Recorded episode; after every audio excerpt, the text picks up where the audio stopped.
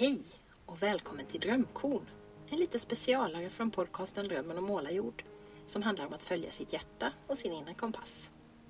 Jag heter Maria Estling Wannestål och sedan jag startade podden 2015 har jag spelat in massor av samtal med en rad kloka och intressanta människor. Nu vill jag lyfta de tidigare avsnitten i en annan form. Därför har jag plockat ut några små guldkorn från varje avsnitt. Och här kommer det sjunde drömkornet. För ett antal år sedan drömde jag och min man om att ta med våra barn och tillbringa ett år i Indien som volontärer. Kanske på ett barnhem eller en skola eftersom vi båda är utbildade lärare. Vi kom aldrig iväg på den resan. Det visade sig vara betydligt dyrare och mer komplicerat att åka iväg en hel familj än vad vi hade förstått. Men jag tror att det är många som drömmer om det där. Att under en period av sitt liv få resa bort och göra någonting som känns riktigt meningsfullt. En person som har jobbat som volontär på andra sidan jordklotet är min poddgäst Karina Ainsley, eller Super-Karina som hon kallas. Efter en vandring i Nepal för ett antal år sedan gjorde hon en radikal livsförändring. Eh, sen så hade jag möjlighet att åka ett år efteråt som eh, volontär och då tog jag den direkt. Eller rättare sagt, jag sökte själv reda på det tillfället. Mm. Så att jag kunde komma iväg.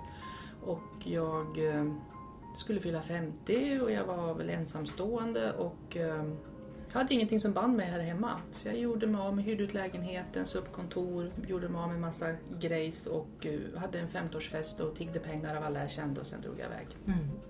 Hur blev den tiden? Den tiden var bland det tuffaste i mitt liv. Uh, de där tre månaderna är som faktiskt en livstid eftersom uh, allting är så annorlunda där än vad det är här. Mm. Det var en lång resa att åka dit men det var även en, en väldigt omfattande inre resa måste mm. jag säga. Jag var ensam, jag kunde inte språket, det var kallt, jag frös i tre månader. Eh, och då låter det ju jättenägget när man säger så men, men alltså det är ett otroligt vackert land med bergen, du har Himalaya, hela Katmandu ligger i Himalayadalen, det är otroligt vackert. Och människorna är trots sin fattigdom så otroligt generösa och omtänksamma. Mm. De kan köpa vindruvor för sina sista rupees för att jag ska komma på besök. Under sin volontärtid i Nepal tillbringade Karina mycket tid tillsammans med sju flickor på ett barnhem. De hade haft ett hårt liv och upplevt mer än vad många av oss i den här skyddade delen av världen gör under en hel livstid. Och ändå var de så otroligt glada och tacksamma, berättar Karina i vårt samtal. Det ger verkligen en tankeställare inför alla små obetydliga saker vi ofta gnäller över här hemma i vårt trygga Sverige. Karina berättar också om att hon upplevde en riktig livskris när hon kom hem. Det var så mycket att bearbeta det där med att det ofta blir väldigt jobbigt att komma hem efter ett uppdrag av det här slaget, det har jag hört många andra volontärarbetare berätta om också. Livet blir liksom aldrig detsamma igen. Man har fått med sig helt nya perspektiv. Men även om det kan vara tufft att komma hem så säger forskningen att vi blir lyckligare när vi utvecklar vår medmänsklighet och vår omtanke om andra människor. I Karinas fall innebar viljan att fortsätta göra gott att hon började bygga upp en verksamhet där hon säljer smycken och kläder tillverkade av nepalesiska kvinnor. För jag anser att eh, det bästa sättet att hjälpa barnen är att hjälpa kvinnorna. Mm. För då kan de försörja sina barn och kanske till och med hoppas jag innerligt eh, att jag kan hjälpa någon kvinna att kunna sätta barnen i skola. Mm. För i, i de här länderna, det är ju inte bara Nepal, det gäller ju väldigt många länder, så, så är ju utbildning A och O för att föra landet framåt anser jag.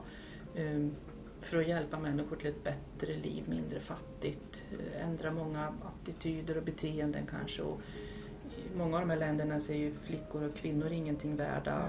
Och, och, sånt är liksom bara utbildning som kan rå på fast mm. det tar tid. Mm. Ja, Karina tog vara på känslan hon hade av att vilja göra en förändring i sitt liv. Så här säger hon. Jag kände då på hösten innan jag fyllde 50 att ska jag göra någonting ska jag göra det nu. Mm. Och då gjorde jag det. Och jag brukar säga det att man behöver inte åka till andra sidan jorden och, och, och leva bland kackerlackor och kyla som jag gjorde. Det vart liksom lite ytterligheter där. Man, man, kan göra någonting här hemma om man känner att man behöver ändra någonting. Mm. Och just så är det ju, precis som Karina säger, att det finns otroligt mycket man kan göra på hemmaplan också. Om man känner att man vill bidra till världen på något sätt. Gå på språkcaféer så våra nyanlända får möjlighet att träffa svenskar och träna språket delta i besöksverksamhet för ensamma äldre via Röda Korset eller kyrkan, bli idrottsledare eller leda en studiecirkel. Jag tror att nästan alla kan hitta någonting som passar just en själv. Och jag tror att det är viktigt att göra någonting för att man verkligen vill, inte bara av pliktkänsla. Och då gäller det att hitta det där som just jag går igång på. Vad som är viktigt att komma ihåg det är att vi samtidigt som vi engagerar oss i någonting som betyder mycket för oss också tänker på att ta hand om oss själva. Karina berättade i vårt samtal att hon är betydligt bättre på att tala om för andra att de ska ta hand om sig än att applicera de där goda råden på sig själv. Men om vi inte gör det så finns ju risken att vi inte orkar längre. Precis som vi pratar om i mitt poddsamtal med Lisa Moreus, avsnitt 4. Lyssna gärna på det. Och lyssna också gärna på Lisas egen podd Leva gott som handlar om just det här. Hur vi kan göra skillnad utan att brinna ut på kuppen. Vill du lyssna på hela poddavsnittet med Karina så hittar du det i de flesta poddappar. På iTunes, Acast, Soundcloud eller på poddens egen webbplats, romenormalajord.se. Och tipsa gärna dina vänner som du tror kan ha glädje av podden. I nästa drömkorn ska du få möta konstnären Emilia Linderholm som växte upp i en känd konstnärs och musikerfamilj där det var självklart att satsa på sina kreativa drömmar. Ändå blev det en ganska slingrig resa för Emilia som ställdes inför ett vägskäl där hon måste göra ett viktigt val. Tack för att du har lyssnat idag och hej då!